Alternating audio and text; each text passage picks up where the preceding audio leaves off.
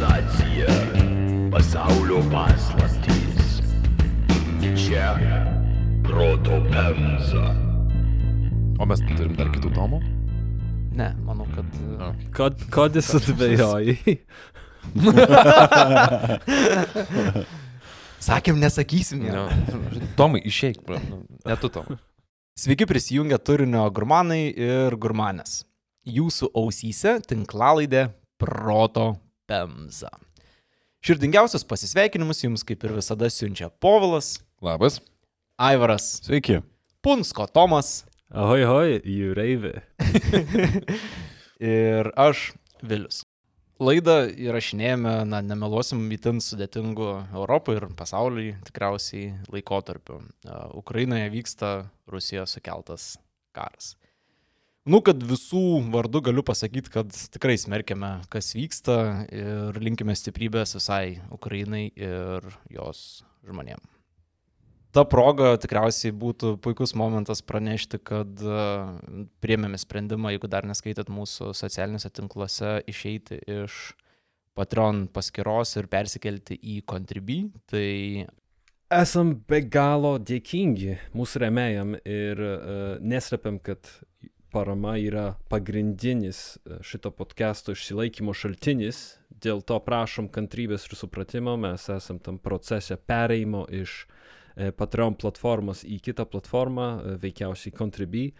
Dėl to visus mūsų remėjus kviečiam pereiti būtent ten, kur ir siūlysim toliau visą savo turinį papildomą. Tai niekas principė nesikeis, gausit tie ir lieka, marškinėlių dalykai lieka, viskas lieka, Mhm. tiesiog pakeičiam, pakeičiam platformą. Tai daugiau informacijos detaliau nueikit pas mus į Facebooką, ten rasit postus apie tai skirtus tam su datom, laikais ir kitais dalykais. Tai O jeigu turit klausimų, visą laiką galite parašyti. jo, kaip žinot, mes visada stengiamės e, atrašyti ir, na, atrašom. Apie visas aktualės užsiminti verčia ir tai, kad šiandienos tema, taip jau nutiko, yra susijusi su karu. Taip mes neplanavom, temą pasirinkom labai labai seniai ir tiesiog, na, sutapo aplinkybės šitaip. Tai perspėjame, kad antra epizodo pusė gali pasirodyti kiek per sunki. Ir jei jūsų nervai ir taip šiuo metu yra per krūti, tai pasikurkit kurį senesnį mūsų epizodą, ar išlyskit pasivaikščiot ir, ir tikrai gal bus uh, ramiau. Na, su visais kitais, ką, kabinamės ir nerim toliau.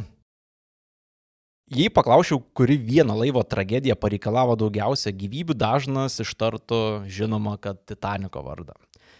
Ir nors ten nuskandinamų vadinto laivo pragaištis Atlanto vandeninė pareikalavo net pusantro tūkstančio sielų, iki aukso medalio dar labai labai toli.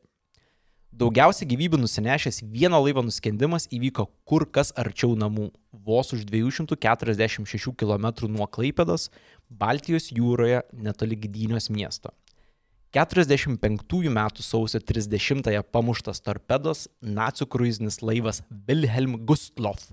Amžino poilsio vieta tapo daugiau nei 9 tūkstančių žmonių. O, wow. Jis plaukė iš rytų Europos. Iš Gdynios. Jis plaukė iš Gdynios. Taip, Gdynios į, į Vokietiją. Taip, tuo metu tai buvo vadinama Gotenhafen. Svarbus aspektas, kad apie, apie visą tą tragediją, kad nepaisant, kad ji buvo didžiausia, ji buvo visiškai užmiršta. Tai kelis dešimtmečius apie ją beveik na, niekas nekalbėjo. Kodėl? O todėl, kad nei tuo met, nei dabar gailestis naciams nebuvo ir nėra jokia siekimybė. O keliaivių didžioji dalis buvo trečiojo Reicho gyventojai. Kaip įdomu, aš nesu girdėjęs apie šitą, šitą laivą. Tai Labai. labai Aš irgi labai neseniai, tik tai labai probėgsmais kažkur išgirdau. Keistas faktas yra, kad didžiausia laivo tragedija buvo taip arti Lietuvos ir apie ją sužinojau 2021 metais, ta prasme, kad tokia iš viso buvo. Šitas epizodas šiaip nėra užmirštas Lenkijoje. Jis kaip nekeista už tai, kad e, Gdynė lenkiškas miestas, Lenkų statytas šiaip skirtingai nei. Gdanskas. Ir taip kaip Vilius paminėjo, įtaru labiausiai susijęs su politinė 20-ojo amžiaus pokaro sistema, komunizmu, kuris bandė tramdyti bet kokius empatijos naciam e, Mhm. požymius, o ir iš kitos pusės, kas tas mirtis sukėlė, kas paleido Mhm. torpedas. Tai yra, na, karo meto į- įvykį. Tomai, pridedant tiksliau prie to, ką tu sakyti, viena dalis, kad užmiršta tragedija buvo tai, kad, na, sovietai nelabai apie tai ten intensyviai norėjo kalbėti, bet ir tai, kad vokiečiai, na, irgi nenorėjo apie tai kalbėti, nes viskas, kas nutiko per karą, jiem, žinai, pagal tą ypatingai ten vakarų Vokietijos e, naratyvą buvo, na, nusipelnę buvo visko. Tai kodėl vokiečiai nešneka, man aišku, kodėl rusai nenori šnekėt, irgi aišku.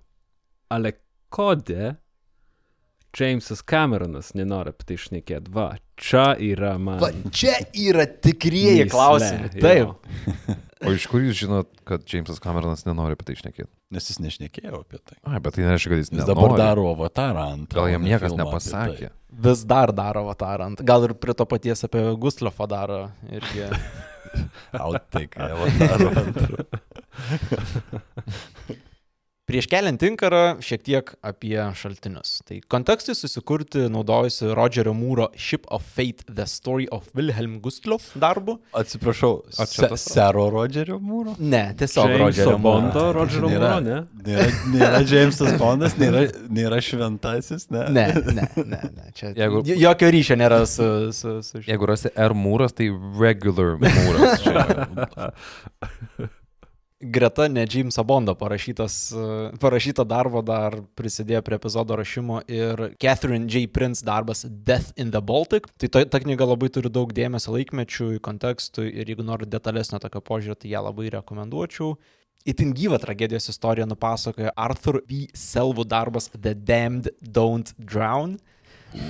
Jo, tai sudėliojęs tiesiog trilerio vertą uh, istoriją, bet irgi tikrai nesilpnų nervų žmonėms, nes knyga rašyta 72-aisiais, man atrodo, ir ten nepagailėta yra Visas grafiškų detalių. Literatūrinis exploitation visų. Jo. Bet svarbiausias šaltinis šiandienos epizodui, žinoma, yra katastrofo išgyvenusiųjų atsiminimai. Dalių, kurių galima rasti minėtose knygose ar Wilhelm Gustloff muziejaus tinklalapyje. Jei Titaniko istorija dažnai pateikiama kaip mokomoji klasinio susiskaldimo pasakėčia, Gustloffo likimas įkūnė visą Trečiojo Reicho istoriją nuo kraugeriškų ambicijų iki savanoriškai išsitaškytų Hitlerio smegenų. Taip yra todėl, kad kruizinis laivas Wilhelm Gustloff turėjo būti parodomasis nacionalsocialistinės ideologijos atributas. Vos tik naciams atėjus į valdžią, naujai laivą užsakė nacijų organizacija KDF - Kraft durch Freude, man atrodo vadinasi, arba stiprybė per džiaugsmą. Tai KDF buvo toks nacijų būdas įtikinti Vokietijos darbininkus, kad socializmo dalis nacionalsocializme veikia užtikrintai. Demonstruodami Reicho privalumus, KDF statė viešbučius, organizavo sporto renginius bei keliones visoje Europoje. Ir siekiant išplėsti polisio paslaugų spektrą, KDF pirmojo nacijų kruizinio laivo statybai skyrė 25 milijonus reichsmarkių arba maždaug 160 milijonų eurų dabartiniais pinigais. Taip, tai Wow. Nemaža suma. pagal planą laivas turėjo būti pavadintas, tikrai nenustepsit, bet Adolf Hitler. No. Tai? Jo. Oh my god. Kas galėtų pagalvoti, ne?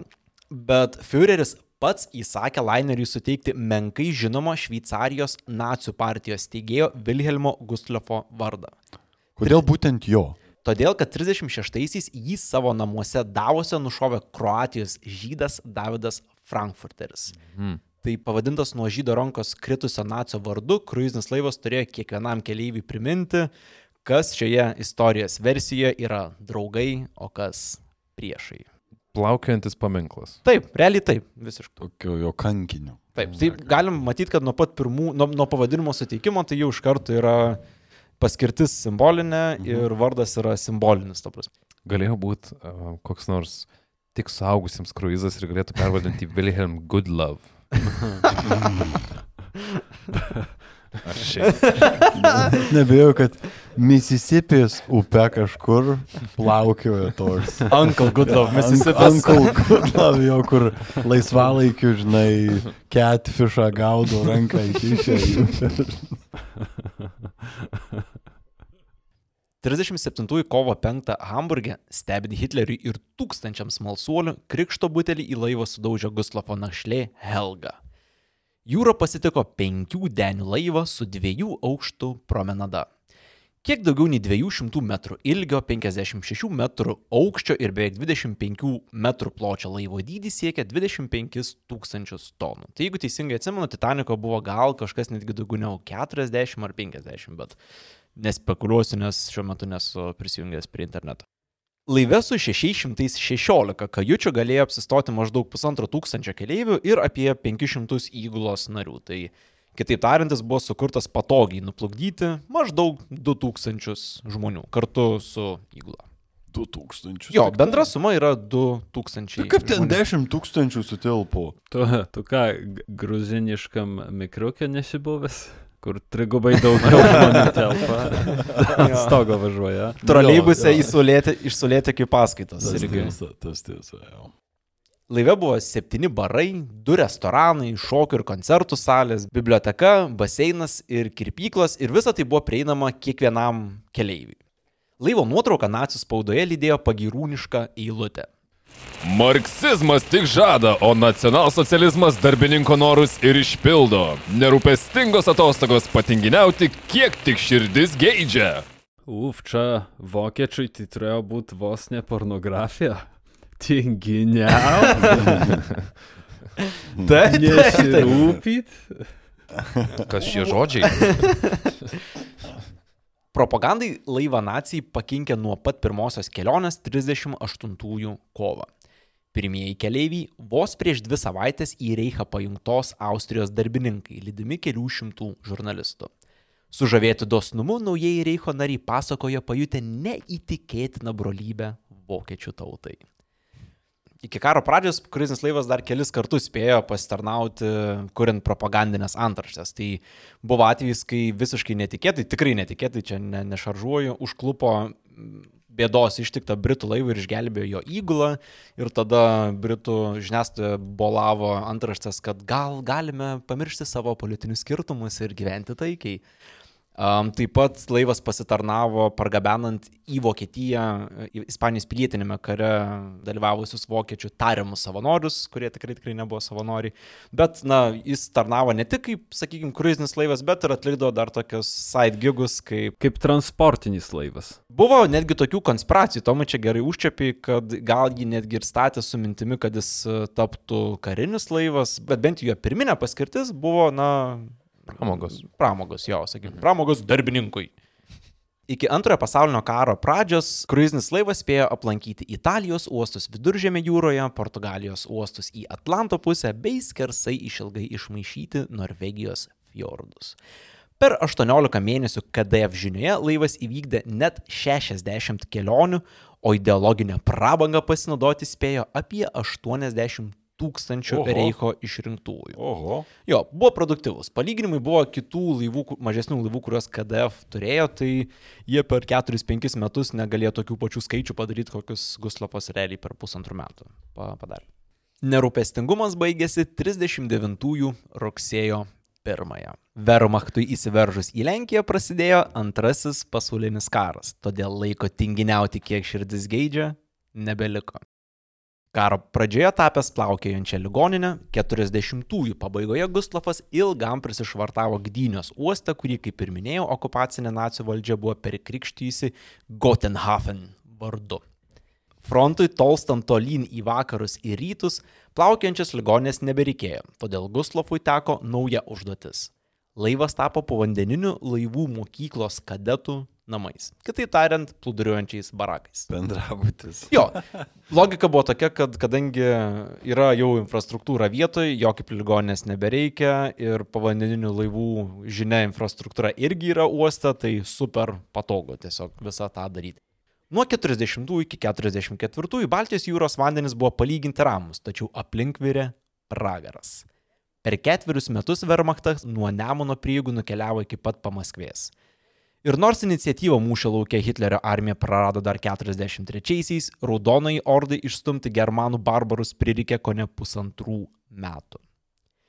Skirtingai nei Baltijos šalių, Lenkijos, Ukrainos ar Sovietų sąjungos gyventojai, rytų Prūsijos vokiečiai karą jautė daugiausia ekonominiu nepritekliumi. Net 44-ųjų pabaigoje, kuomet pergalingas nacijų maršas į Sovietų sąjungą jau te buvo tolimas, tolimas prisiminimas, fronto linija rytprusių gyventojams rodėsi te buvo antraštė naujienose. Kadetus Wilhelm Gustav muštravęs karininkas Paul Volrath atsiminė. Net 44 lapkritį karas rytuose atrodė labai toli. Vien mintis, kad kažkurią dieną turėtume palikti Gdynę, man atrodė kaip valstybės ištavystė. Pasaulį apsiversti užtinkojom prireikė tik tai mėnesio. Prasidėjus 45 sausio puolimui, buvę vokiečių miestai vienas po kito pateko į sovietų rankas. Raudonoji armija per porą savaičių nustumė frontą beveik iki pat Baltijos jūros kranto, tai sakykime kažkur nuo sausio vidurio iki sausio pabaigos. Pavieni daliniai prasiveržė pakankamai toli, kad rytų Prūsija būtų atkirsta nuo likusio pasaulio. Tai jeigu įsivaizduotumėte žemėlapį, viena kariuomenė, kuri traukia link Berlyno, tiesiai link Berlyno ir eina, o viena prispaudžia uh, iš Lietuvos teritorijos Prūsiją link Baltijos jūros. Tai gaunasi, kad sausumos kelio grįžti į Vokietiją nebėra, traukiniai nebėra. Yra tik tai laivai, o vienintelis pabėgimo kelias - uostai. Tik sausio 20-ąją Hitleris uždegė žalę šviesą masiniai evakuacijai Baltijos jūrą. Per viso labo tris dienas nacijų laivynas sulibdė improvizuotą planą šiuo metu žinoma kaip operacija Hannibalas. Pati pirmoji operacijos užduotis buvo iš numirusiųjų prikelti Wilhelm Gustloff, kuris keturis metus stovėjo uoste, ir juo evakuoti povandeninių laivų kadetus į Kylio uostą. Ironiškas pavadinimas atsižvelgiant į Hannibalo likimą iš vienos pusės, iš kitos pusės patį žymiausią Hannibalo mūšį, kurį jisai apsupo iš visų pusių romenus ir išskirdė jūs. Šiaip labai cool, kad pasakai, nes šito būtent aspekto nebuvau girdėjęs būtent apsupties, nes visiškai logiška pasirinkti tokį kodinį žodį evakuacijai iš potencialių skerdinio, ne? Nors, žinok, čia įtariu, kad Hannibalas e, labiau tam kontekste, kad jisai perėjo Alpes ir atsirado ten, kur nesitikėjo, mm. kur jis A, bus. okay. Jeigu tik būtų perskaitę kitą puslapį Mhm. tos knygos. Kol jūreiviai kėlė Guslofo variklius naujam gyvenimui, sovietai stūmėsi link Gdynios. Vos už 70 km Elbingo gatvėse jau važinėjo Stalino tankai. Įsiveržimas vietiniams buvo toks netikėtas, kad pamatę techniką, vokiečiai sveikino atvykėlius manydami, kad tai savikariai. Tai buvo vidury baltos dienos, veikiant tramvajam ir miestui dar gyvenant kažkokį gyvenimą. Jo, tai toks greitas raudonosios ordos puolimas į kelią išstūmė šimtus tūkstančių žmonių pajūrių keliavusių uostų link. Žemiau 20 laipsnių kritęs termometro stulpelis ir alinantis nuovargis egzodo net laikiusių kūnais nusėjo visą Baltijos jūros pakrantę ir skaičiuojama, kad kelyje mirė dešimtis tūkstančių rytų Prūsijos gyventojų. Istorijas apie naciams prilykstantį sovietų žiaurumą labai greitai apskriejo Prūsijos žemės. Todėl nuo raudonojo teroro bėgantys žmonės Gdynę transformavo į tiesiog pabėgėlių stovyklą. Vienintelis vilties žiburys palikti šitą pragarą buvo tolumoje stovintis laivai. Horizonte laukia Reicho Lainerį Hansa, Potsdamas, Kaparkona, Hamburgas, Deutschland, Robert Ley ir žinoma Wilhelm Gustloff. Tiek daug. Jo, tai visi beveik buvo, buvo to vietoj taip. Uosto tolumoje išvykusi Wilhelm Gustloff laivą Inge Reuter leptelėjo seseriai Helgai. Pats tas numušti tokį su torpeda. Bet jau geriau nuskesiu, nei pateksiu į rusų rankas. Pirmieji 4000 keleivių į Guslofą buvo sulaipinti sausio 25 dieną. Kadangi laivas buvo sukurtas tik tai 2000 žmonių, įgulą žmonės kišo kur papuola. Koncertų salėje, restorane, valgykloje, visur, kur tik buvo vietos. Tai pavyzdžiui, beveik 400 laivyno pagalbininkių buvo sutalpintos į ištuštintą baseiną, kuris na, buvo viename iš žemesniųjų laivo denių. Tai tiesiog farširavo. Farširavo maksimaliai. Pradžioje dar duodavo, na, duodavo kažkokį čiūžinuką, ant kurio buvo galima atsigulti, bet kuo toliau, tuo tos vietos vis mažėja. Sausio 28 nuspręsta priimti dar daugiau žmonių. Užrašinėti į Wilhelm Guslov priimtųjų vardus įgula nustojo ties 5000, skaičių pametė ties 8000. Viena laivyno pagalbininkių, 18-metė Eva Dorn, atsiminė. Vaikai atėjo su nušalusiais veidais, skeletais skruostais. Kai kurios motinos buvo nešinos negyvais kūdikiais. Žmonės stumdėsi, tačiau visi norėjo į laivą. Tai pati situacija uoste prie laivo buvo visiškai, visiškai nepavydėtina. Yra istorijų, kai žmonės, na, krito į vandenį, buvo suspausti laivo, motinas bandydamas gelbėti vaikus, juos stumdavo į vandenį, kad nesuspaustų minė, na, situacija tragiška, nežinau net kaip, kaip kitaip to apibūdinti. Visi žiūrėjo tą laivą kaip į vilties kažkokį simbolį, dingt iš, iš tos vietos, kur jie yra. Reiškia, tuo metu rusai jau buvo gerokai nusiaubę rytprūsius, ar ne? Jau buvo aišku, Taip. ką jie vykdo, jau buvo kilus panika, kitaip sakant.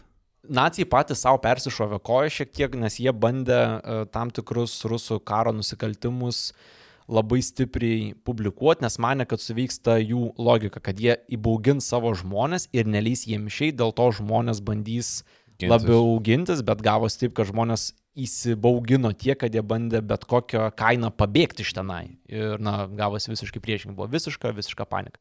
Iki šiandien nėra tiksliai žinoma, kiek žmonių Wilhelm Gustlofe tiksliai buvo šiam paliekant uostą. Tačiau skaičiuojama, kad į laivą buvo stalpinta 10,5 tūkstančio sielų. Į Tai- dviejų tūkstančių šiaip jau vietų laivą. Taip, tai yra penkis kartus daugiau nei laivas buvo sukurtas plukdyti. Vaizdas viduje, kaip galite nuspėti, toli gražu nepriminė prieš septynerius metus propagandos plakatuose demonstruotos darbininkų prabangos. Su dviejų metų dukra keliavusi Milda Bendrich atsiminimuose po karo rašė.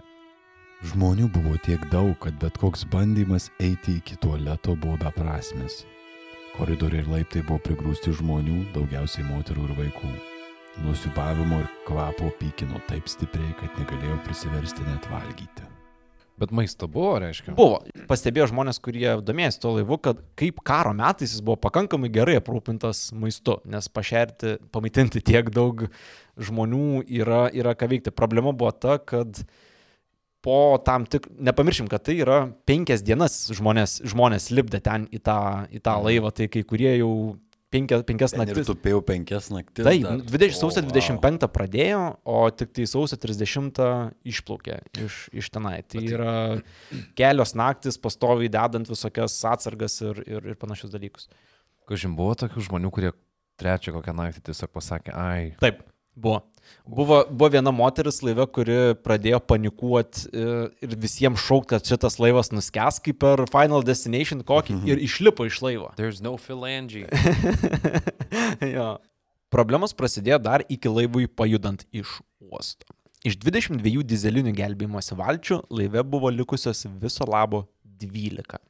O kiek viena talpina? Tokio, tokio didumo valtis, kad į visas 22 būtų teoriškai tilpę visi 2000 Nu, wow. žmonių. Ta prasme, jos didelės dizelinės ir, nu, ta prasme, su, ne su irkliukais, bet su normaliu varikliu. Bet kadangi buvo karas, labai daug jų tiesiog išrinko ir panaudojo kitais, kitais tikslais. Tai buvo tokių likusios 12. Ir tai, kad jos buvo likusios, dar nereiškia, kad jos buvo normaliai veikiančios. Teoriškai tūkstantis vietų ant dešimties tūkstančių žmonių. Šiek tiek daugiau, nes saugumo spragas Guslofo įgula bandė užkamšyti surinkę realiai kas papuola. Dar buvo 18 mažesnių valtelių, mm. sauja plūduriuojančių plaustų su tinkliniu dugnu. Tai tokia kaip gelbimos ratas su tinkliniu dugnu, kurio ka- kaina gali atsisės, bet vis tiek būsi pusiau, pusiau apsemtas. Ir dar buvo, na, visokių plūduriuojančių priemonių, aš nežinau, rafts įvardino, aš nežinau kaip Plaustai. Plaustai, bet nei kokio dydžio jie buvo, nei, na, nei kažkokių detalių ne, neradau, bet, na, tiesiog sumetė, ką radom, tempiam ir nėra laiko labai daug. Po karo skaičiavo, kad geriausiu atveju, geriausiu atveju būtų tilpę gal trečdalį žmonių iš visų buvusių 10,5 tūkstančių, bet čia jau if you're lucky. Nepadėjo ir tai, kad buvo neįprastai žema temperatūra. Kaip minėjau, buvo viena šalčiausių žiemų per iki tol žinomą uh, istoriją. Net pajūryje buvo žemiau 18 naktį ir žemiau 20 laipsnių šalčio. Tai šią žiemą puikiai atsimenam ir žinom kaip. Tai yra fucking šalta ir dar ypatingai, jeigu turi jūros vėją. Dėl tokio šalčio viršutinis laivo denis buvo visiškai nuklotas ledu. Tai ten, kad ir kiek jį bandė valyti, visą laiką dėjosi naujas sluoksnis, nes vėjas ir jūros vanduo visą laiką nešė, plus lietus. Na, tokia slidi slyt, ją mhm. kaip, kaip ir įvardino. Bet ten žmonės buvo. Taip.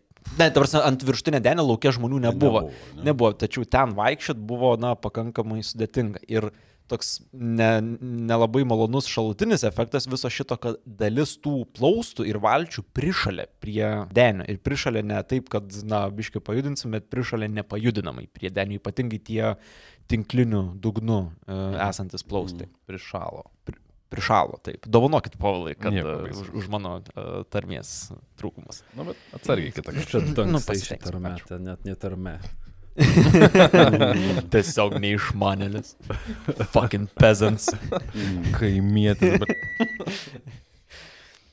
Nors per garsiakalbius keleiviams įgula ne karto aiškino, kad visos kelionės metu negalima nusimti nei rūbų ir jokių gelbėjimosi lemenių, 10 tūkstančius eurose erdvėse susispaudusių žmonių rekomendacijų klausė, na, tiek pat, kiek tikriausiai Iraniero keleiviai klauso rekomendacijų pakeliui į Londoną. Kažkas pradeda plot, kažkas atsistojo būtų- per anksti. Va, va.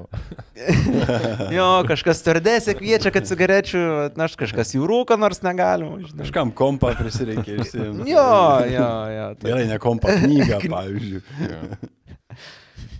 Kad samišio nebūtų mažai, Gustlovo vairinėje buvo viso labo bent trys kapitono rangą turintis asmenys. Du kapitonai realiai vadovavo laivui.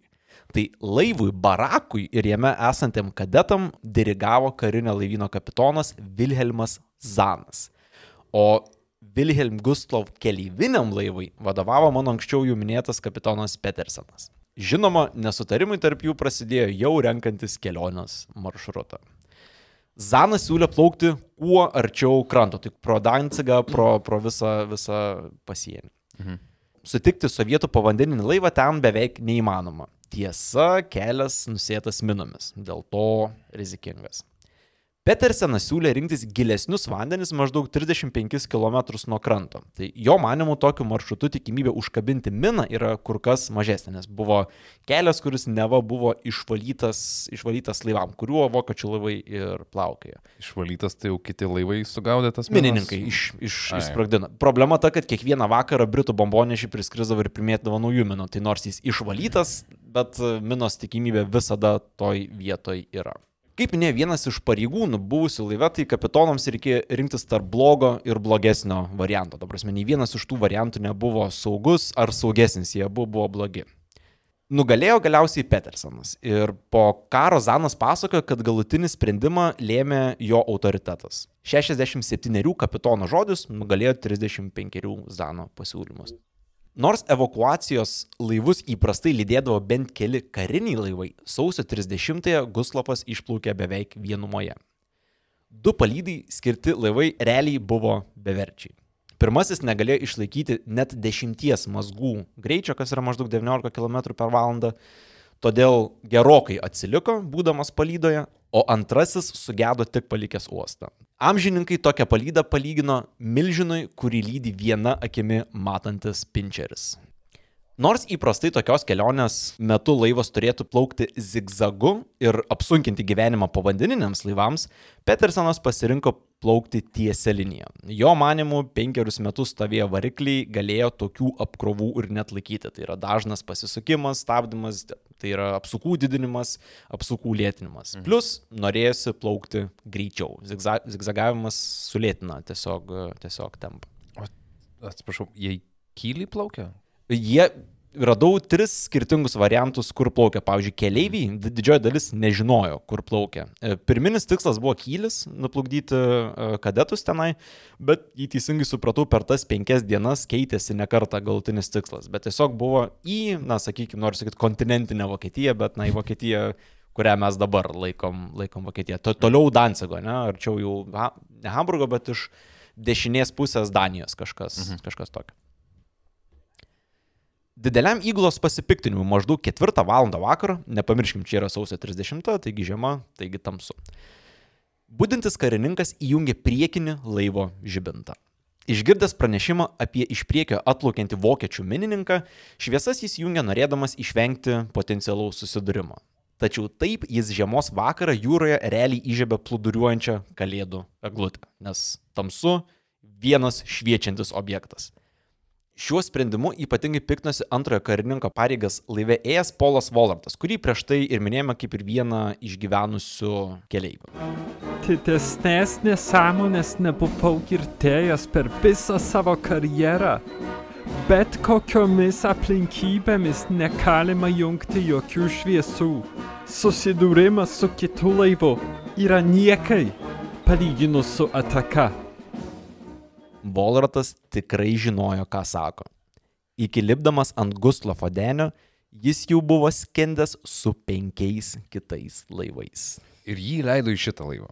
Matai, aš tiek kartų skendęs jau pats patikėčiau prietaru, kad aš esu bėda. Jisai pats e, sakė, kad aš šiaip nesu prietaringas, bet nebuvau sužavėtas tuo, kad reikės plaukti laivu. Kas jam skauda, jis jau penkis kartus išgyvena, jeigu kažkas gali numot ranką, tai jis.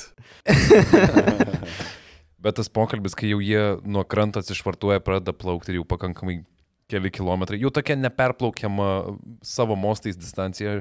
Jo, aš tai skendęs penkis kartus. Šiek tiek jokinga skaityti jo tos atsiminimus, nes jis jau pasakoja apie savo pasiruošimą. Jis įlipo į laivą ir iškart pradėjo ruoštis, kas skęstų. jo, jo, ne, neišvaistė nei sekundės, iškart pasižiūrėjo artimiausias duris iki valčių, susirinko ten, pasiėmė cigarečių, šautuvą ir butelį. Nežinau, kodėl šitą, tra... būtent šitie trys objektai, bet buvo trys dalykai, kurių jis niekada nepaleido nuo savęs, kad visą laiką, visą laiką būtų. Bet spėčiau, patirtis rodo, kad labai prasiverčia šitie dalykai. Tie ant rankų pripučiami. Jo, jo. Tiltelėje vyravęs chaosas iki keleivių netėjo. Tūkstančiams Wilhelm Guslov keleivių kelionė laivu buvo vienintelis būdas pabėgti iš už nugaros buvusio pragaro. Artėjant 9 val. vakaro šurmulys laive kiek aprimo. Kol vieni skendo mintise apie paliktą gyvenimą, kiti lietai, lietai pasidavė nuovargiui. Dalis jų iki laivo ėjo dešimtis kilometrų už savęs palikdami karo negandas ir sekančiame uoste te laukia vilties gyventi. Patys to nežinodami, 10 tūkstančių keleivių viltimi dalinosi su išgyventi ne ką mažiau norinčiu Aleksandru Marinesko, sovietų povandeninio laivo S-13 kapitonu, kelias valandas akylai sekusio kiekvieną Wilhelm Guslov manevrą. 32 Marinesko buvo charizmatiškas kapitonas, itin mėgstamas savo įgulos. Jo paties nelaimiai, to paties nebuvo galima pasakyti apie kapitono santyki su NKVD kraugeriais. Naujųjų metų iš 44 į 45 naktį Marinesko Suomijos uoste prisiliobė šviesiaplaukės švedės glebyje. Apleista tarnybos vieta ir gražbiliavimas su kapitalistinėmis keulėmis beveik garantavo kelialapį į Sibiro taigą. Išgelbėjo tik admirolas Tributas, saugumiečiams paaiškinęs, kad dėja, bet geresnių kapitonų sovietų pajėgos šiuo metu neturi. Jau išpjovė visus patys. Mhm. Būtent, būtent taip ir buvo. Best available. Mhm. Best avail. Jo vienintelis išsigelbėjimo bilietas buvo tai, kad jis buvo tiesiog geriausias tarp likusių. Tačiau, kad išsaugotų gyvybę, admirolui jis turėjo įrodyti, kad jo kailį vyresnybė ištraukė neveltui. Nusiteikęs žudbūt parnešti grobį, Marinesko iš Suomijos išplaukė sausio 11-ąją. Dvi tuščias savaitės varė tiek jį, tiek jo įgulą iš proto. Todėl eilinį kartą, kaip ir jau tūkstantį kartų iki tol, spjovęs į nurodymus, jis nusprendė priplaukti pavojingai arti Reicho sienų. Šį kartą sėkmė nusišypsojo.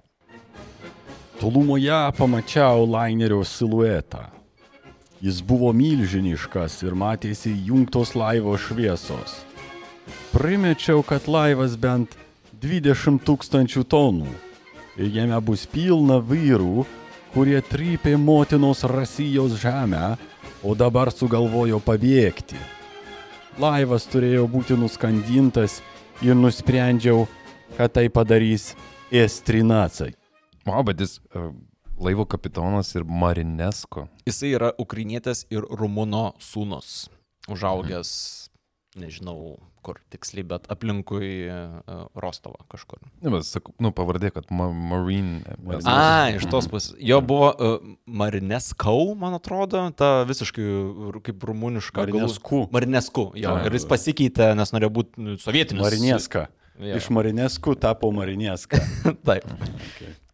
Atlikęs sudėtingą manevrą, S-13 persikėlė į kitą Guslavo pusę kairėje, nes jeigu laivas plaukia tiesiai, kairė pusė žiūri į krantą, dešinė pusė žiūri į jūrą. Tai mhm. akivaizdu, poninis laivas atplaukė iš jūros pusės ir jis turėjo realiai perplaukti po laivu, apsisukti ten nuplaukęs ir žiūrėti į kairį denį. Ir Guslovas šiuo, šiuo metu nieko nesuvokia. Ne, Guslovas visiškai nieko nežino. Tai tada, kai ketvirtą valandą įjungė šviesas, realiai Marnesko pamatė laivą. Tai buvo pakankamai fatališka klaida šita. Bet atlikęs tą manevrą, Marnesko atsirado kairiai laivo pusiai. Už nugaros trečiasis reichas, o prieš akiją vienas jo simbolių. Šaunamasias S-13 angas užpildė keturios torpedos, kiekviena pažymėta atskirų užrašų. Už tėvynę, už Staliną, už sovietinę liaudį ir už Leningradą. Wilhelm Guslav kelionės diena, 45 sausio 30 žymėjo 12-asias Hitlerio tapimo Vokietijos kancleriu metinės. Todėl per laivo garsiakalbius pasigirdo tiesiogiai transliuojama Adolfo kalba. Nelik kartus priminimas, kodėl tūkstančiai žmonių per grūsų laivų turi palikti rytų Prūsiją, Führerio verbalinė diarėja užpildė laivą.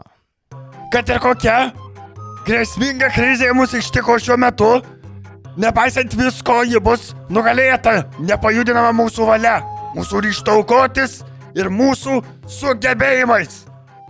Nei Wilhelm Guslav keleiviai, nei likęs pasaulis tuomet dar nežinojo, kad tai buvo paskutinė radio bangomis tiesiogiai transliuota Hitlerio kalba.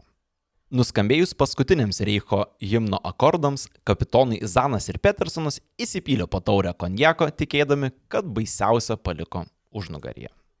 Tuo metu penkiuose laivo deniuose ir dviejose promenados aukštuose susigrūdę žmonės bandė rasti jėgų užmigti.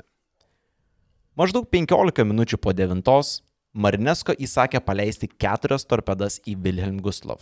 Simboliška, tačiau sviedinys už Staliną nesuveikė ir liko gazdinti Marinesko įgulas. Nu, čia šiaip vieta bairiui. Čia aš tą, pa, Agar, aš tą paliksiu. Šiaip čia vieta Bayerį. Bet, nu, tiesiog.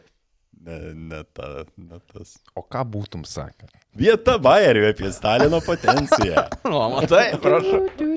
Čia aš net girdėjau skliaustus. Gal klausytojai pasiūlys, ką šitoj vietoj galima rašyti. Labai gerai idėja, parašykit komentaruose, ką, ką manot. Vieta jūsų bairė. Vieta jūsų Bayeriui, jo. Svarbiausias kriterijus komentarų yra nešaudyti tuščiai šoviniai. Nu, nes vert, vertas tenktis dėl paskutinio kruizo Baltijoje. Turim marškinukų, turim marškinukų, da, gal, gal nuskils. Jo. Mėgykit, o Jo. ką gali žinot? Trijų torpedų sprogimai stipriai supurtė Wilhelm Guslav. Pirmoji torpeda pataikė į patį laivo smaigalį, tiesiai į kajutes, kuriuose ilsėjosi po vandeninių laivų kadetai. Laimingieji mirė miegodami. Visai netrukus, siekdamas sustabdyti vandens srautą, kapitonas nuspręs aktyvuoti šarvuotas duris, tai palikdamas sprogimų išgyvenusius kadetus nuskesti. Kai kurie jų užsidarę kajutėse po smūgio galėjo išgyventi 48 valandas. Skenstant laivui. Nuskendus laivui. jau. Skendus Ant laivui. dugno. Savo. Pala, 50 metrų čia. Čia yra būdas, kuriuo nenorėčiau numirti. Mhm. Darosi aišku, dėl ko Volrotas tą ginklą pašymė. A, Jis tai jo, jis jį turbūt nepasėvinė kažkam kitam nušaut. Antroji torpeda pataikė kiek žemiau baseiną, kuriame glaudėsi jaunosios laivyno pagalbininkės. Sprogimo sekusi tyla peraugo į agonijos šūksnius. Skeveldros, vanduo ir dūmai pareikalavo 370 baseinė buvusių gyvybių. Išsigelbėjo viso labo 3. Paskutinė torpeda smogė tiesiai į laivo variklį. Todėl keleiviams dar nespėjus suprasti, kas įvyko, Guslavas pradėjo stoti, dingo apšvietimas. Koridoriuose užsižiebus rausvai blankiai šviesai susigrūdę žmonės stojo būti individais ir pamažu tapo minė. Aš norėjau paklausti prieš tai, ar jie tamsoj išgyveno visą šitą, nes buvo kaip ir nutarimas nejungti šviesų, bet aš nesupratau, ar buvo Nutarimas nejungti visur šviesų. labai e, gera pasaba, nes nepaminėjau šito, tai visų kajučių langai buvo uždengti. Kad nesimatytų nieko, promenadų iš visų akivaizdu, kad nebuvo, bet viduj koridoriuose buvo šviesos ten, kad, na, kur nėra, nėra jokių langų. Bet po trečios torpedos išsijungia šviesos ir išsijungia avarinis apšvietimas, kuris aš nesuprantu, kodėl nepadaryti normalaus apšvietimo avarinio, o tą blozną raudoną, tokia, kaip tai padeda Mažiau, matyti ir... mažiau gal energijos. Jo, gal mažiau energijos, tiesa, tikriausiai yra toks. Rožinė ramina. Jo, kraujas spalva tikrai yra tas, mm. kur, mm, a, iš karto taip kažkaip, žinai, ramiau pasidaro. O ar nėra taip, kad raudona šviesa dėl to, kad tai yra ilgesnės bangos, prašimuša geriau, prasiskverbia ir tarp kitko per vandenį? Jo, labai geras būtų pointas, kad tikriausiai ir semiant matytum dar, dar daugiau. Ok, o, turim protingų žmonių, o tai va čia gali išsiaiškinti visus tos dalykus. Tai reiškia, tik tragedijai prasidėjus, scena apšviečia iš karto kraupi, raudona, dažnai mirksinti šviesa. Visiškai taip. Ar girdimus James'e Cameronai? Visi smūgiai pataikė į kairįjį bortą. Todėl laivas ton pusėn pakrypo maždaug 5 laipsnių kampu. Kadangi didelė dalis pažinojusių laivo vidų, taigi ten besimokę kadetai, mirė po pirmosios torpedos smūgio, civiliai keleiviai, dalis kurių laive iš viso lankėsi pirmą kartą, galėjo kliautis tik savimi. Prasidėjo panika. 17-metė Gertrūda Agnesons atsimena, kad toje pačioje kajutėje su jie buvusi moteris po torpedos smūgio tiesiog sustingo. Raginimams bėgti nuo kylančio vandens nesuveikus, Gertrūda išplėšė iš moters rankų žibinto ir pasileido bėgti. Tačiau bėgti nebuvo kur. Viename žemesniųjų denių keliavusi Ilse Bauer prisimena, kad išėjusi iš kajutės ji pateko į visiškai panikuojančių žmonių jūrą. Grūstis koridoriuose ir laiptinėse buvo pasiekusios tokį lygį, kad judėjimas buvo įmanomas tik kartu su mine. Kaip ji pati sakė, kad kojos po vieną judinti negalėjai, tiesiog plaukiai kartu su visais kitais. Neįgalieji, vaikai ir nesugebėję išsilaikyti ant kojų buvo be gailesčio mindomi. Išgyvenusieji atsimena, kad nuo susikaupusių kūnų grindis tapo minkštos it kiliminė danga.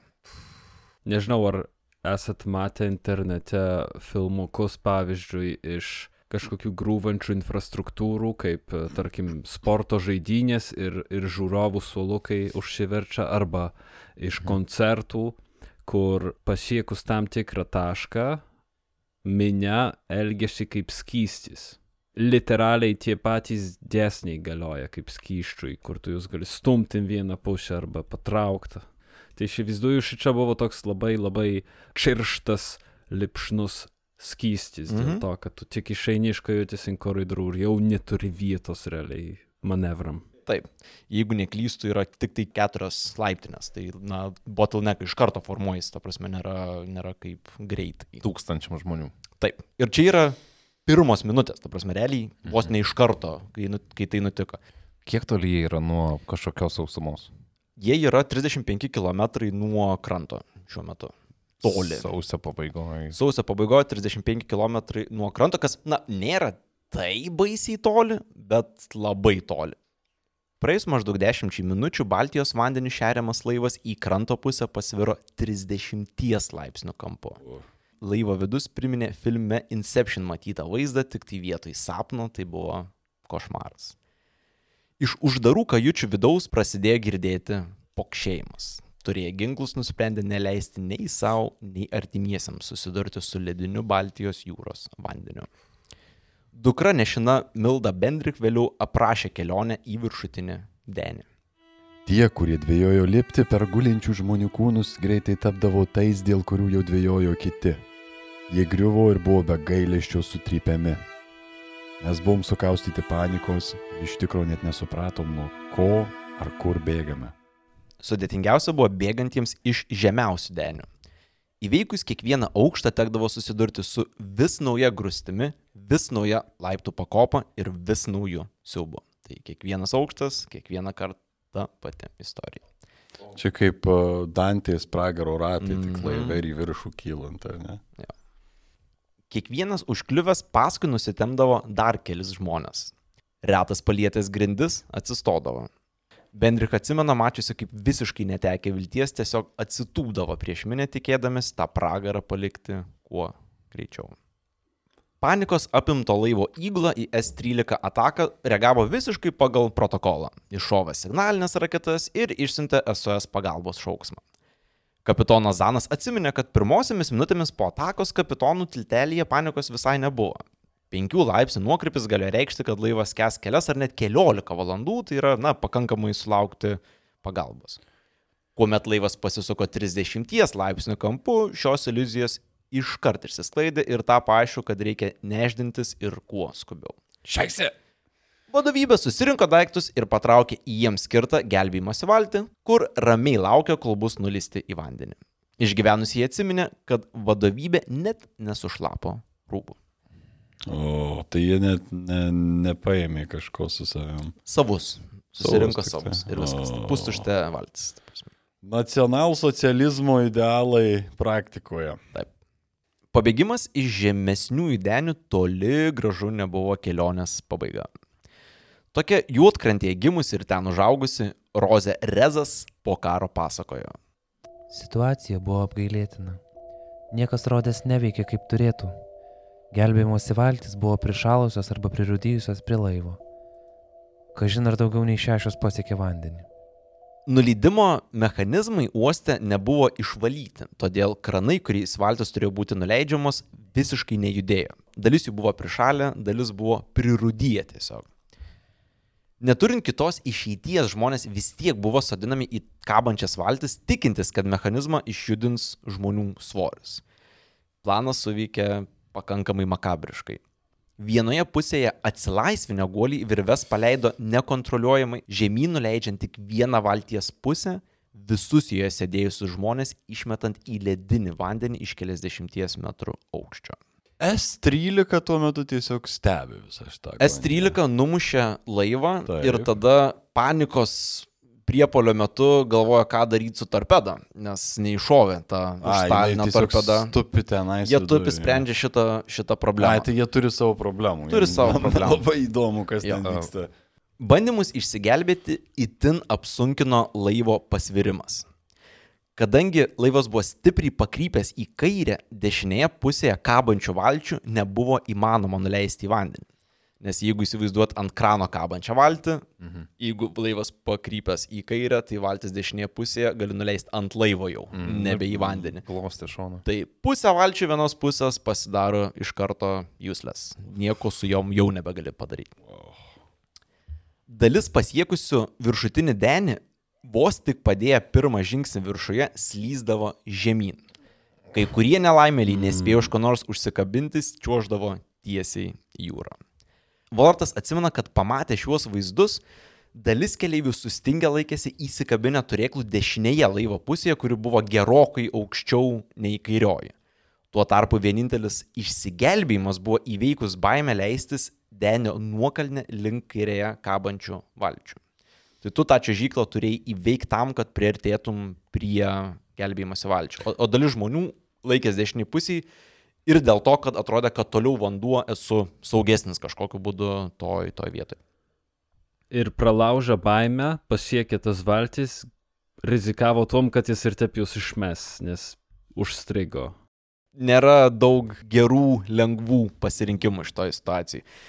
Ir dėl to netruko nusiristi visiško fatalizmo banga per laivą. Tai vienas įglos narys atsimena, kaip uniformuotas vyras nušovė savo vaikus ir žmoną, tačiau prisidėjęs ginklą prie smilkinio sužinojo, kad nebeturi kulko. Padėjęs pistoletą ant žemės, jis užsimerkė ir nučiažė deniu į šaltą jūros glėbį. Šiai dramai tęsiantis iš žemesnių įdenių nuolatos plūdo vis nauji žmonės. Viena laiptinių iš tų denių vedė į grūdintų stiklų dengtą promenadą. Laivui skestant susiklostė tokia situacija, kad patekę į ją irgi nučiuoždavo žemyn laivo pasvirimo kryptimi, bet promenados viduje. Dideliam patekusiu į promenadą siaubui jie suprato, kad durų toje pusėje, į kurią jie nučiažė, nėra. Tik stiklas, grūdintas stiklas, kurio neįvykė net pistoletų kulkos. Oh. Žmonės, kitaip tariant, atsidūrė milžiniškame akvariume, kuriame greitai daugėjo ir žmonių, ir vandens. Likimui nešykštint ironijos, pustuštė valtis su aukšto rango pareigūnais užstrigo lygiai grečiai stikliniai promenadai. O, tai gavosi, kad jie kaip kokius, o, kaip kokiam Kaip už stiklo. delfinariume. Mhm. Jip. Ir negalėdami pabėgti iš to stiklinio karsto, jie kiksmaždžiais pradėjo plūstis ant e, tų, kurie buvo, na, kitapus stiklo toje valtyje. Ir kažkas toj pusėje dar bando peršauti, pavyzdžiui, stiklą tiesiai priešais tave, Taip. bet neperšauna jo. Taip. What the fuck, eik. Viena promenados patalpos įkaičių buvo ir jau minėta Rozė Rezas. Kaip ji ten pateko, nelabai prisimena, desperatiškai ieškant būdo pabėgti, dažnas pasakoja veikęs autopilotu, tiesiog bėgi- bėgo į viršų ir atsirado, kur atsirado. Rozė pasakoja, kad vienoje promenados šalutinių patalpų kažkokiu būdu jai pavyko rasti patalpą su iliuminatorium, tai na tuo apvaliu laivo langu. Dviems vyrams į apvalų stiklą suleidus kažkiek apkabų kulkų, ji su seserimi plikomis rankomis išlupo stiklą ir žmonių iš už nugaros buvo išstumta lauk iš laivo. Pajutau šaltą vandenį. Iš pradžių net atrodė, kad jis degina. Panėrusi supratau, kad tai pabaiga. Ten norėjau greičiau netekti sąmonės. Praėjus viso labo 50 minučių, Guslafas buvo beveik visiškai pavirtęs ant kairiojo šono. Dalis žmonių desperatiškai šoko į vandenį, tikėdamėsi patekti į vieną iš valčių ar susirasti bet kokį kitą plūduriuojantį objektą. Kiti iš paskutiniųjų laikėsi įsikibę turėklų, tikėdamėsi atitolinti neišvengiamą susidūrimą su žiemiška jūra. Kaip ir tūkstančių kitų, Roserezas ledinėme vandenyje laukia pragariškas chaosas. Nesuskaičiuojama galybė žmonių bandė stvertis už ko tik papuola, kad tik galėtų išsiropšti iš kraujas stingdančių bangų. Prie manęs priplaukęs senas vyras bandė kabintis į kojas. Mane tempė žemyn, todėl pradėjau spardyti iš visų jėgų, kol jis paleido. Iki dabar negaliu pamiršti jo veido. Tūkstančiai asmeninių tragedijų supo lietai jūros riemą Guslofą. Tuo metu sėdintiesiems perpildytose valtyse teko priimti sudėtingus sprendimus. Norėdami išsigelbėti patys, valčių keleiviai irklais, rankomis ir kuo tik tai galėjo stūmė lauk, desperatiškai bandančius įsiropšti vidun. Viena iš išgyvenusių laivo tragediją buvo viena iš tų, kuri bandė įlipti valtį ir buvo atmušta irklais. Ir kaip ji pati po to sakė, aš nieko dėl to nekaltinu. Nes būčiau tikriausiai pasielgus taip pat. Iš gyvenimo instinktas tas. Visiškai. Tai įsivaizduok, įsivaizduokim tūkstančius šaukiančių žmonių jūrą ir bandančius vėlgi sulipti valtis. Tai panašiai tikriausiai tą, ką mes matėm per Titaniką. Ne? Aš nelabai pamenu to filmo, bet kažkas, kažkas tokio ten irgi buvo rodoma. Bus proga kurį laiką nežiūrėti dabar jau. Mhm. Praėjus maždaug valandai nuo torpedų smūgių ant kairio šono gulinčiame laive įsižiebė visos šviesos. Gali būti, kad gyvėjai žemiausiose deniuose rado būdą įjungti atsarginį generatorių. Tiesa, visiškai veltui. Vos tik sužibėjęs laivas pasinėrė po vandeniu, pradėdamas kelionę dugno link. Išgyvenusiai atsimena tūkstančių laive įkalintųjų desperacijos šauksmą girdėtą panyrant laivui. Reicho pasididžiavimas mirguliuojančiomis šviesomis pradėjo kelionę į savo amžino poilsio vietą, paskui nusineždamas nesuskaičiuojamus tūkstančius. Baltyje su dešimtimis išsigelbėjusių plūduriavęs medikas Hansas Ritneris vienatvę jūroje aprašė taip. Nušviesti mėnesienos sėdime jūros mėtamoje valtyje. Veidu jaučiu vėją. Negalvoju apie namus, negalvoju apie vaikystę, mamą, brolį ir tėvą. Sėdžiu ir stebiuosi. Negi aš miriau ir likau plaukioti mėtomas amžino pragaro srovių? Pirmasis po maždaug pusantros valandos įvykio vietą pasiekė Guslofą lydėjęs torpedininkas Liove.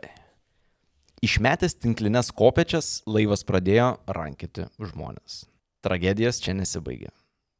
Minus 18 laipsnių siekęs šaltis daugeliui buvusių valtyse surakino pirštus, todėl bandydami lipti į gelbėjantį laivą, tiekždavosi į vandenį. Gelbėti įkritusių nebuvo kada. Į Liovę buvo surinkta apie 400 žmonių. Ir tai buvo jo pilnas pajėgumas, kiek tas laivas galėjo pakelti, nebesukeldamas kažkokio pavojaus savo. O kada jis pasirodė? Tai atsakant į tavo klausimą, Tomai, ta pirmieji gelbėtojai atplaukė apie, jo, apie 11 val. vakar. Tai praeis valandai po nuskendimo tarp 11 ir pusė 12, kažkas tokio. Kitų gelbėtojų teko laukti gerokai ilgiau. Išgyvenusiai atsimena, kad jų šlapi rūbai ir plaukai per tą laiką sustingo į ledą, kol šalo kūnai, protai kaito. Ne vienoje valtyje prasidėjo panika, todėl girdėjosi įsiaudrinusius nuraminti turėjo šūviai. Volratas beje buvo vienas iš tų, kuris iššovė tam, kad nuramintų savo valtyje esančius žmonės. Aš nuskambėsiu turbūt kvailai, bet kaip tai nuramins žmonės?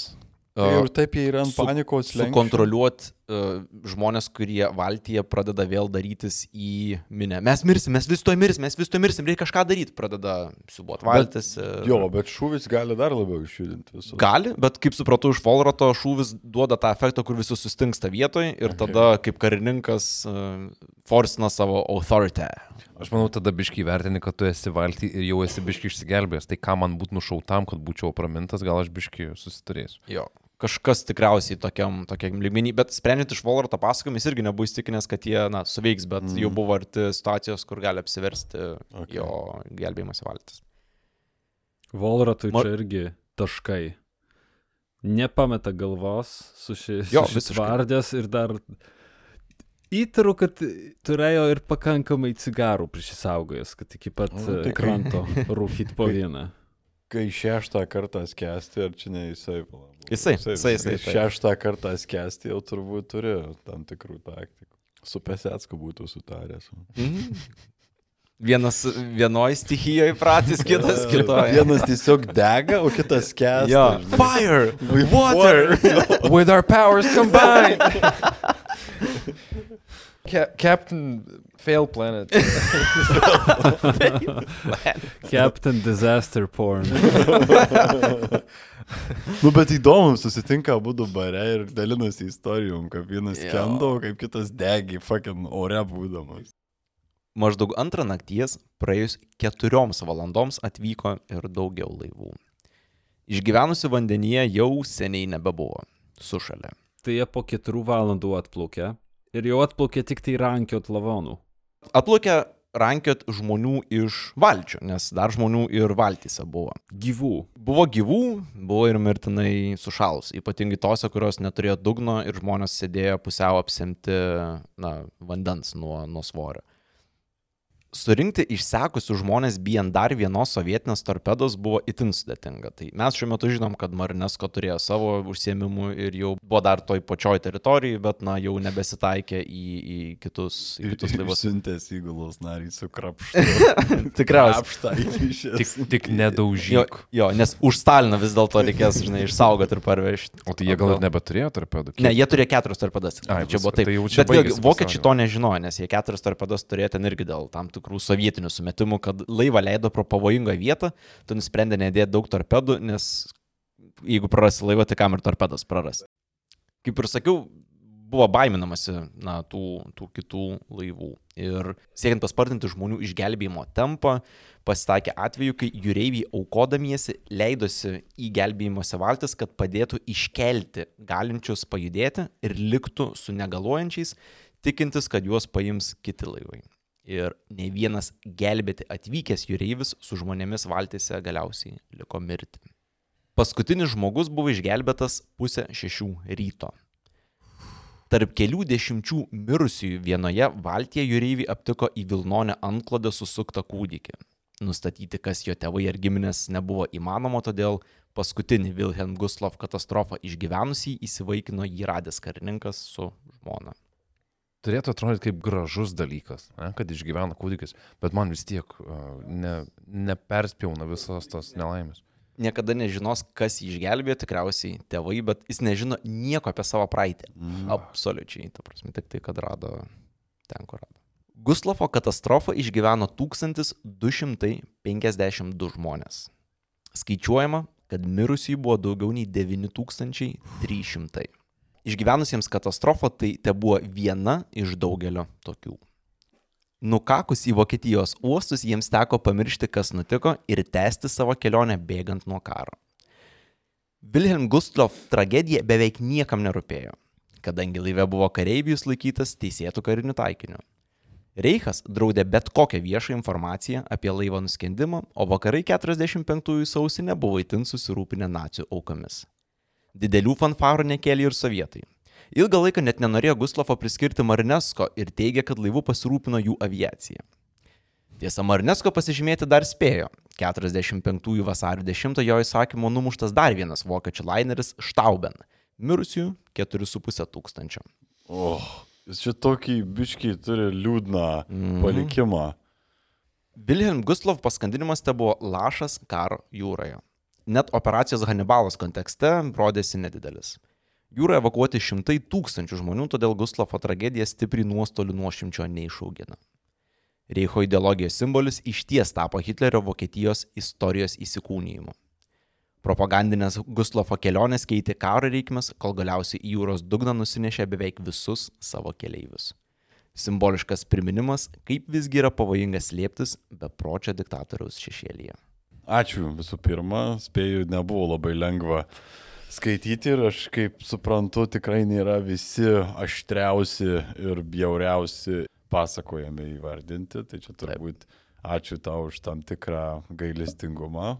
Bet tai yra tragedija, tai yra baisi, žiauri tragedija, bet kelia ir tam tikrą prieštaringą jausmą, Mm, nes tai buvo nacijų laivas. Nu, bet kokiu atveju daugelis žmonių ten plaukusių. Reicho gyventojai. Reicho bet gyventojai, bet, nu, turbūt priklausė nacionalsocialistų partijai, taip? Arba bent jau nejautė tikrų karo pasiekmių iki 44 metų lapkričio mėnesio. Karo, kurį jie patys. Mėgavėsi tuo reichu, kurį, norėjo, kurį ir norėjo įkurti Adolfas taip. Hitleris tuo metu. Visiškai. Yra prieštaringas jausmas, nes viena vertus asmeninės tragedijos yra nesuvokiamas ir vaikai Taip. nenuspelnomi ir tokiuose situacijose, bet vėlgi priminimas, dėl ko visa tai nutiko, visą laiką vejasi iš paskos. O yra kažkokios tai išvalgos prisiminimai ar pamastymai iš vadovybės, kuri patogiai valtyje prasidėjo. Tie nesušlapę. Jo, tie nesušlapę. Ar jiem buvo kažkoks tai, nu, Peterson, Petersonas po karo Užduotis. niekada nebeplaukėjo daugiau, mm. baigėsi jo karjeras su šituo laivu. Zanas, man atrodo, irgi nubūsti nebuvo, bet kažkokių tai gailėščio protrukių bent jau neteko skaityti. Kaip suprantu, yra nuostata, kad buvo karas ir ir žmonės nutiko, nutiko. Jo, jo. Jie jautėsi padarę, ką jie galėjo padaryti toje vietoje, bet Susirinkdami savus ir eidami Taip. nesušlapę. Okay. Išgyvenusiojo kaltės tos vadinamos nebuvo turbūt. kur bent jau neprašė. Ta prasme, tarkim, išsameusias skaityt Kapitonas palieka paskutinis taisyklė šiuo atveju. negalioja visiškai. visiškai. Mane sužlugdė turbūt visos asmeninės tragedijos. taip. Asmeninės tragedijos, ypač kai dar yra vaikų, kai yra etapas po etapo, nesimato pabaigos tų visų blogybių. Mhm. Dar turbūt baisumo prideda tai, kad mano viena iš didesnių baimių būtų mirti vandenį, nes man tai yra... Mhm. nežinau, tai yra man didžiulis plotas, kuriame yra toks, kok, kokio aš esu dydžio, tokio dydžio yra ir mano šansai tenai. tai net nėra skaičiaus, man atrodo, tokio. Tai ta baime ir ta visa perkeltinė prasme ir tiesioginė a, tamsa nepalyginama. Ir aš turbūt, ne, aš net negaliu įsivaizduoti turbūt tokio dalyko. Ale gerai, kad papasakai, dėkui vėliau. Svarbu nepamiršti apie šitą, man atrodo. Ir kol paskui negalėjau atsikratyti to jausmo, o ką aš darytau toj vietoj. Mhm. Ir e, iš tikrųjų tai man atrodo, kad e, tai jau ne mano rankose. Kad minę nuneš, mhm. o tada jei pasifokšis atsirast viršui, kol dar tas nusvyrimas yra mažiau nei 30 laipsnių, tai gal dar turiu teoretinių šansų patekti į valtį. Paaiškėjo, dėl ko Jamesas Cameronas nepadarė šito filmo. Man dabar jau yra Per- aišku. Per sunku. Jo, būtų tikriausiai ne, ne, ne dėl to. Jis tą nepadarė už tai, kad jeigu padarytų Wilhelmą Gostlovą, tai tada nėra prasmės daryti Titaniko. Už tai, kad Titanikas atrodo ant, ant tiek mažiau kraupus. Jo. O Marinenko likimas koks? Tai Marinesko likimas buvo toks, sakykime, dviprasmiškas. Jis, kai grįžo po karo, na, kai baigėsi karas, tai jį pažemino rangę, a, vėliau perkeltas dirbti į kažkokią gamyklą ir bent jau oficialiai už tai, kad iš gamyklos darbuotojams leido pasimti kurą šildyti namams, buvo ištrimtas į Sibirą. Ir ten prabuvo kažkiek tai metų ir grįžęs iš išgyveno tik tai tris metus ir mirė visiškai niekam nežinomas. Ir jam atminimo paminklą pastatė tik tai prie Gorbačiovo, Jam pastatė atminimo paminklą. Taip. kaip Sovietų sąjungos didvyriai. Okay. Mhm. Tai šį kartą tikriausiai tiek. Ačiū, jeigu išklausėte iki galo. Prašom. Šiaip nu, tikrai, ne, tikrai sunku buvo. Jo, nepamirškit, kad mes išeisim iš Patreono ir būsime tik tai kontribi, būsit mūsų kontribukai. Tai visiems palinkėsiu stiprybės, Ramesnių laikų. ramesnių laikų, laikykitės, mylėkit vieni kitus, nepamirškit draugų. Ir nepamirškit mūsų. Ja, jo, ir nepamirškit mūsų, jeigu turit laiko. Jo, kviečiam į mūsų Facebook paskyrą, į Instagram paskyrą. Ateikit, ten būna juokingų nuotraukų. Komentuokit, rašykit e-mailus, laiškus ar netgi popierinius laiškus. Gal bus tokia galimybė neužilgo. Labai malonu gauti, paskaityti. Užeikit ir pas mane ant Facebook sienos, e, ten pakomentuoju. Kažneka Lenkija. Kažneka Lenkijoje. Verta žinot, man atrodo. Atsargiai vairuokit. ja, darykitės. Ačiū. Iki. Iki. Iki. Viso. Kaip ir kiekvieno epizodo pabaigoje, šį kartą tarime nuoširdžius ačiū. Tiesa, jau nebe tik patronams, bet ir kontribį remėjams. Ypatingą dėkui sakome Džiugesėliui, Matui, Erikai, Povilui, Egliai, Inai, Davidui, Tomui, Dariui, Giedriui, Gretai, Audriui, Mindaugui, Edvardui, Andreliui, Arūnui, Vytautui, Alvitai, Dariui, Arnoldui, Židrūnui, Gaudentui, Martinui, Godai, Egliai, Medai, Jorindai, Mikalojui, Povilui, Simonui, Ritai, Mykolui, Medai Kotrynai, Gretai, Viliai, Brigitai, Edvinui, Remigijui, Gretai, Gabrieliai, Grigučiui, Vytautui, Rūtai, Čerliai, Žilvinui, Vaidai, Beneckui, Emantai, Irenai, Daivai, Mariui, Gyčiui, Andriui, Lukui, Laurynui, Domantui, Aidui, Justinui, Dariui, Gintui, Martynui, Sauliui, Rolandui, Žygimantui, Šarūniai, Gražvidui, Edvinui, Dovydui, Robertui, Mariui, Tomui, Romkai, Videopunk, Virginijai, Povilui, Henrikui, Linai, Gediminui, Gintai, Silvijai, Edgarui, Domui, Richardui, Mantrimui, Terra Incognita, Donatui, Edžiui, Andriui, Sauliui, Sauliui, Audriui, Šarūnui, Agniai, Anastasijai, Skirmantai, Sandrai,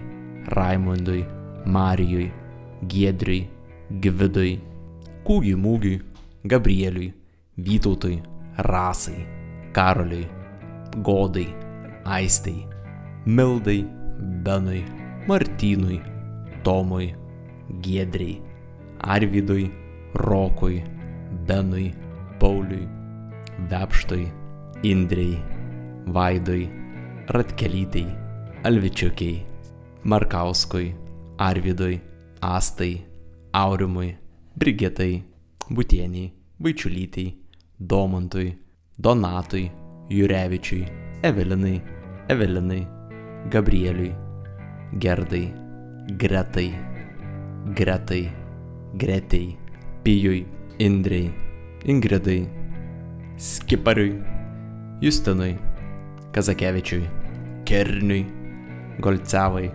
Balciukui. Ačiū Jums už paramą ir įsijungite mus kitais kartais. Taip pat nepamirškite, kad nuo kito mėnesio mūsų nebelieka Patreon platforma ir būsime tik Contribui. Dėkui Jums ir iki kitų kartų.